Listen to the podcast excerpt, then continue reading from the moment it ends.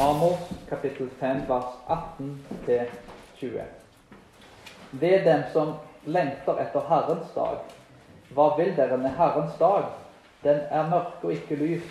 Det er som når en flykter fra en løve, men støter på en bjørn, og når han kommer hjem og støtter til seg veggen med hånden, blir han bitt av en orm. Ja, Herrens dag er mørke og ikke lys, belgmørk og uten lysskjær. Første Korinterbrevet, kapittel 1, vers 4-9. Jeg takker alltid min Gud for dere, for den Guds nåde som er gitt dere i Kristus Jesus. For i ham er dere blitt rike på alt, på all tale og all kunnskap. Fordi Kristi vitnesbyrd er blitt grunnfestet i dere, slik at dere ikke mangler noen nådegave, mens dere venter på vår Herre Jesu Kristi åpenbarelse. Han skal også styrke dere inntil enden kommer så dere må være ulastelige på vår Herre Jesu Kristi dag. Gud er trofast, Han som kalte dere til samfunn med sin sønn Jesus Kristus, vår Herre.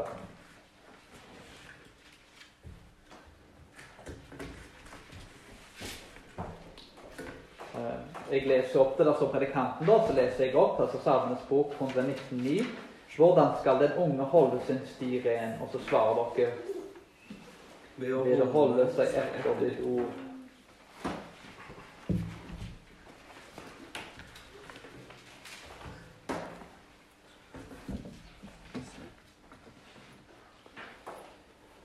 Hvordan gjenoppretter en kirke tilbake til sitt opprinnelige grunnlag? Vi fortsetter videre fra Korinterbrevet, de første versene. Og en går inn på dette med hvordan gjenoppretter en en kirke som er blitt ødelagt, som opplevde splittelse og andre ting. Paulus gir ufattelig mange svar på dette spørsmålet gjennom Korinterbrevet. Han skriver til en kirke som sliter med mange ulike ting. Et av de svarene som han velger å gi da, i disse versene som har gått gjennom og lest gjennom, er at uh, han vil gi takk til Gud for alle ting. Takknemlighet er nemlig lykkens mor. Og I gjennomsnitt så skårer faktisk kristne da, og religiøse høyere da, på lykke, da, eller personlige glede. Det er ikke for ingenting vi bruker uttrykket 'gladkristen'. Noen ganger så kan det være kanskje mer ment som en fornærmelse, men uh, egentlig er det jo en bra ting.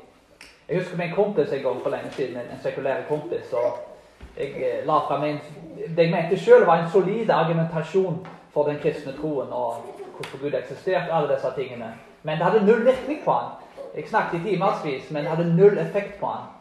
Eh, noen år etterkant delte han en historie med meg at en gammel kompis av han da, som hadde vært på stoff, ble kristen. da, Så gikk han fra å være sur til å bli glad. Og dette sa han, det kunne han ikke forklare. Her hadde en mann som, som da Han kjente han nesten ikke igjen, for han gikk rundt og smilte hele veien etter han var blitt kristen. Og Det var et argument som han ikke kunne måte, gi noe godt svar på. Så Her sitter jeg i timevis og prøver å komme med gode argumenter, og så kommer det en kar og smiler. Og det her har mye større påvirkning på han enn hva jeg hadde. Det er jo nettopp dette her med å være glad i Kristus og glede seg i Kristus. Og være takknemlige til Gud for alle tingene som en har fått. Takknemlighet er kun mulig når en har noen å være takknemlige til. En må altså gi takk til Gud som er jordens skaper og universets opprettholder. Det blir helt totalt meningsløst å gi takk til en tilfeldighet. Til, til, kjemiske reaksjoner og til en eksplosjon. Til, altså, til noe som da ikke kan forklares. Det er design bak, at det er en Gud bak. Og Det er nettopp det vi skal gå inn på for å finne et svar på. Hvorfor kan en gi takk til Gud for alle ting? Det er ulike ting vi skal se på for å finne et svar på det. Det er egentlig ikke mitt svar på det, men det er svaret som Paulus gir. Det er tre forskjellige ting som vi skal se på for å forstå hva det betyr å gi takk til Gud for alle ting. Nummer én takknemlighet for Guds folk og nåden i Jesus Kristus. Nummer to takknemlighet for Guds nådegaver. Og nummer tre takknemlighet for Guds nådige bevarelse. Vi hopper inn i den første tingen først. Takknemlighet for Guds folk og nåden i Jesus Kristus. Det er dette Paulus begynner med i vers 4. Jeg takker alltid min Gud for dere. Paulus takker Gud uansett omstendighetene.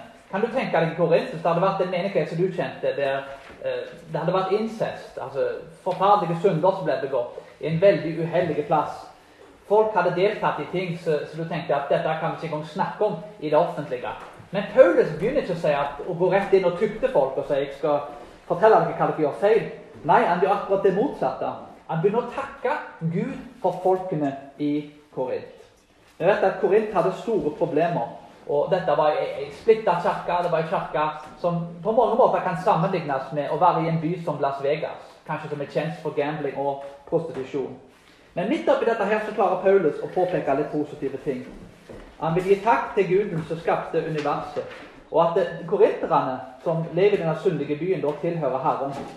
Han vil takke Gud for at han er grunnlaget for moral. Og Paulus sjøl har jo hatt en omveltning i sitt liv. Gud har forandra Paulus til å bli en mann som forfulgte kristne, til å bli en som forkynner det bibelske evangeliet. Han hadde planta denne kirka i Korint, og han ville at denne kirka skulle være et vitne på en veldig uheldig plass. En veldig hedensk plass. Og en plass der det virkelig var behov for en kirke. Paulus var glad for dette, og han takket korinterne for det. Han hadde mye godt å si om korinterne til tross for alle de dårlige tingene som han nå tar opp i brevet.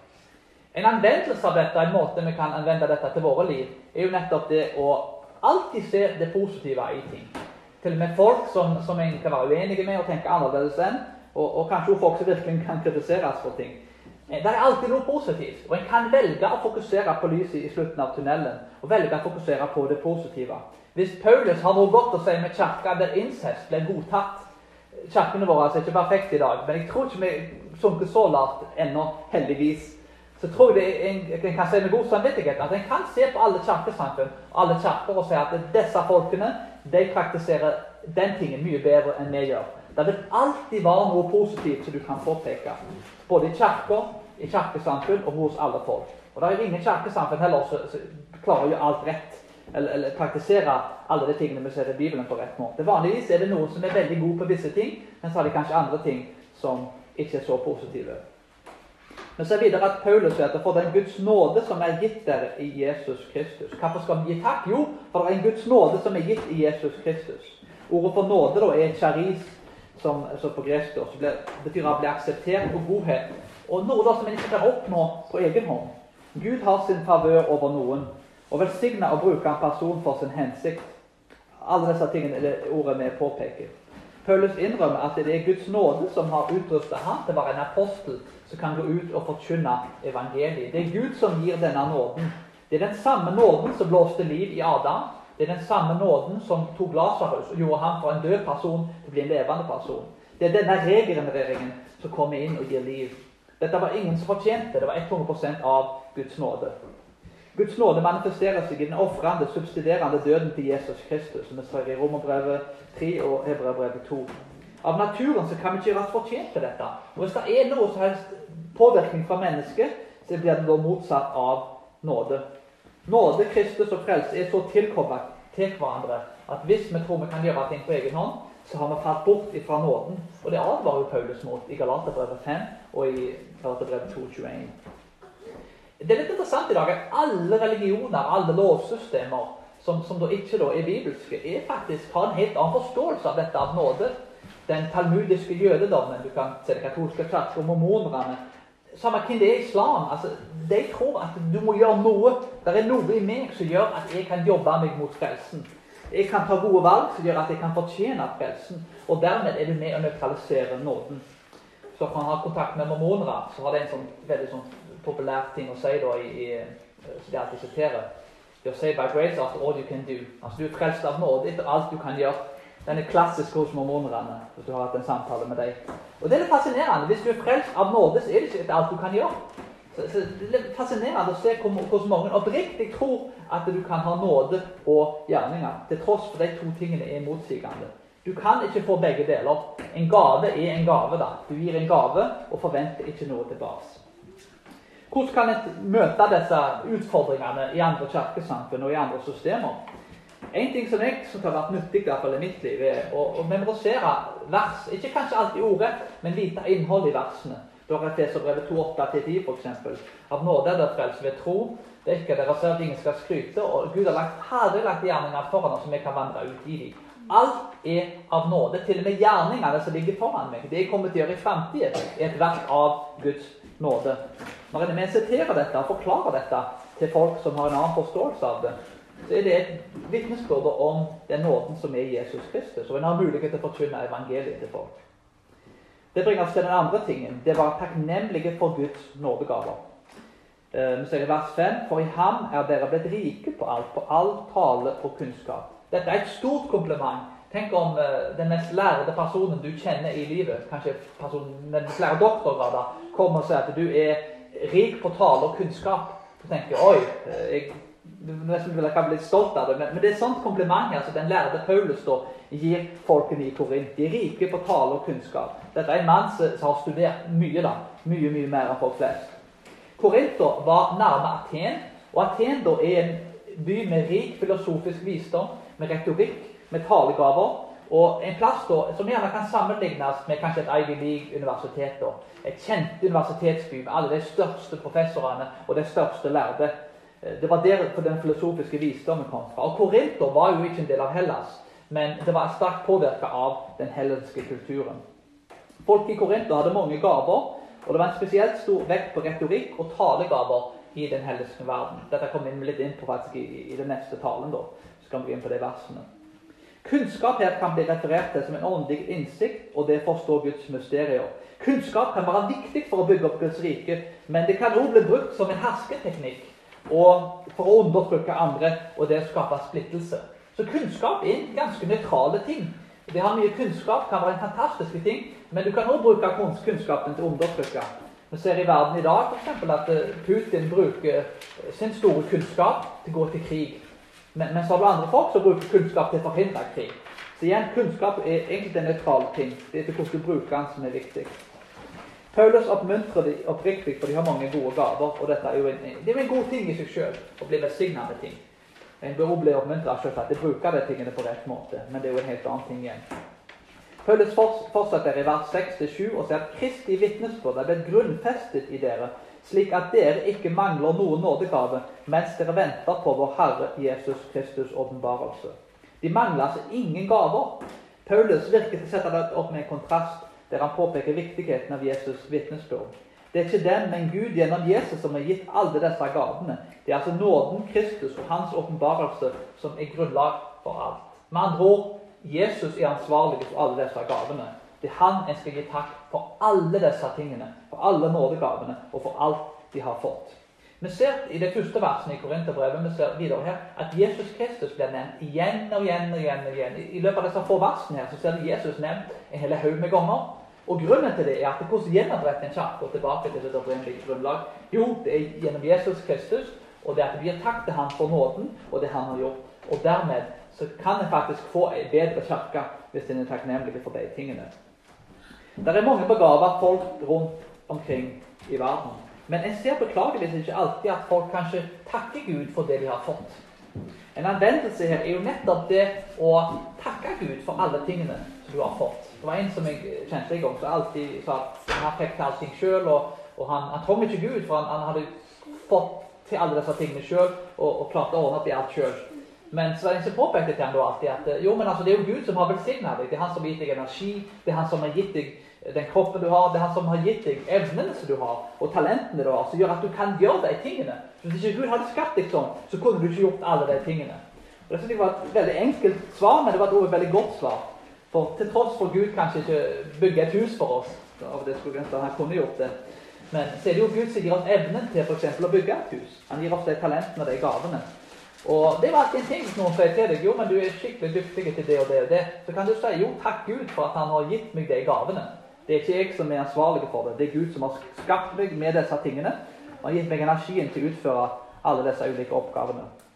Så det er en, en veldig fin anvendelse av disse versene. At en kan takke Gud når en får et, den typen kompliment. Og det er et vitnesbyrd til det Gud har gjort, og at en ikke tar ære for ting sjøl, men gir det til Gud. Den tredje er takknemlighet for Guds nådige bevarelse, i vers 8-9. Han skal også styrke dere. Vi må være ulastelige, og Gud har kalt oss til samfunn med sitt sønn. Vi ser også her en henvisning til dette med Herrens dag videre. Vi er en allerede, da, men ikke ennå tilstand. Guds rike her ser vi er kommet på jord og er i full utfoldelse.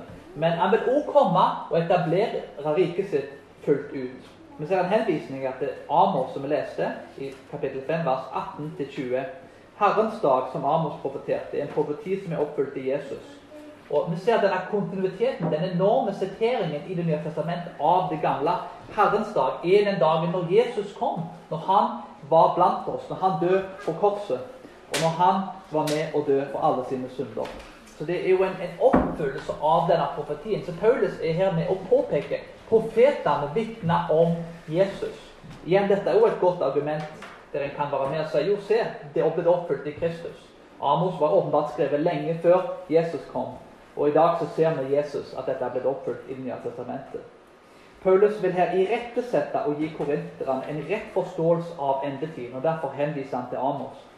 At de har fått nådegaver og kunnskap, betyr ikke at Jesus har brakt sitt fulle rike på jord. Guds rike er kommet, men det skal bli perfekt når han kommer igjen for andre gangen. Altså En lever da i det en kaller et eskatologisk håp, altså et endetidshåp. Dette er en kontrast mellom kunnskapen og gavene de har fått, og den største gaven av dem alle, som nemlig er Jesus Kristus. Grunnlaget for alle disse gavene er Kristus. Vi ser igjen hvordan Kristus blir nevnt om igjen og om igjen og om igjen. og om igjen. Gud lover altså en evig bevarelse, og at korinterne skal hvile i dette evige endetidshåpet, at de blir bevart i Jesus Kristus. Jeg tenker ofte på 5. Mosebok 7,9, som forteller oss at Gud er trofast i tusen generasjoner. Hvis Gud har kalt et folk til seg, og hvis en ordentlig har blitt berørt av Gud, så vil han ha et løfte om at han vil bevare folk. Det verket som Gud begynte, det vil han fullføre, som det står i eh, Filipperbrevet 1,6. Eh, et barn som blir født, vil alltid være født. En kan ikke bli ufødt igjen. Eh, en, en, en, når en blir født på nytt, så blir en født for all evighet i Gud. Det er håpet korinterne skal hvile i, midt i en syndig by og en syndig tilstand. Og midt i den protestantiske reformasjonen så var det nettopp et spørsmål. Reformasjonen hvilte på et spørsmål. Hvordan kan jeg få fred med Gud? Det katolske systemet du måtte gjøre ting hele veien. Du måtte gjøre ting, du måtte jobbe iherdig på egen hånd. Og du kunne aldri vite om du var frelst. Likt er det med det islamske systemet. Du kunne ikke vite om du kunne ha fred med Gud. Kanskje en dag, når vektskålene ble målt opp med hverandre, når du har gjort en haug med gode gjerninger imot mange dårlige gjerninger, så kanskje da de gode gjerningene veier litt mer. Men til slutt da, så kan du ikke vite det før du møter Jesus. Det bibelske budskapet er annerledes. Vi kan ha en visshet og en sikkerhet at alle de som tror på Kristus, har omvendt seg fra synder og lever et hellig liv, faktisk kan få lov få den sikkerheten i livet sitt. Vi kan ha en visshet om frelsen, og vi kan vite at vi vil bli bevart. Det betyr åpenbart ikke at en kan gå ut og kan gjøre hva en vil. I Korint var det sikkert en fristelse for mange. Dette var en veldig uheldig by, en utfordrende, vanskelig by. Men et sånt budskap er et fantastisk budskap i en sånn by.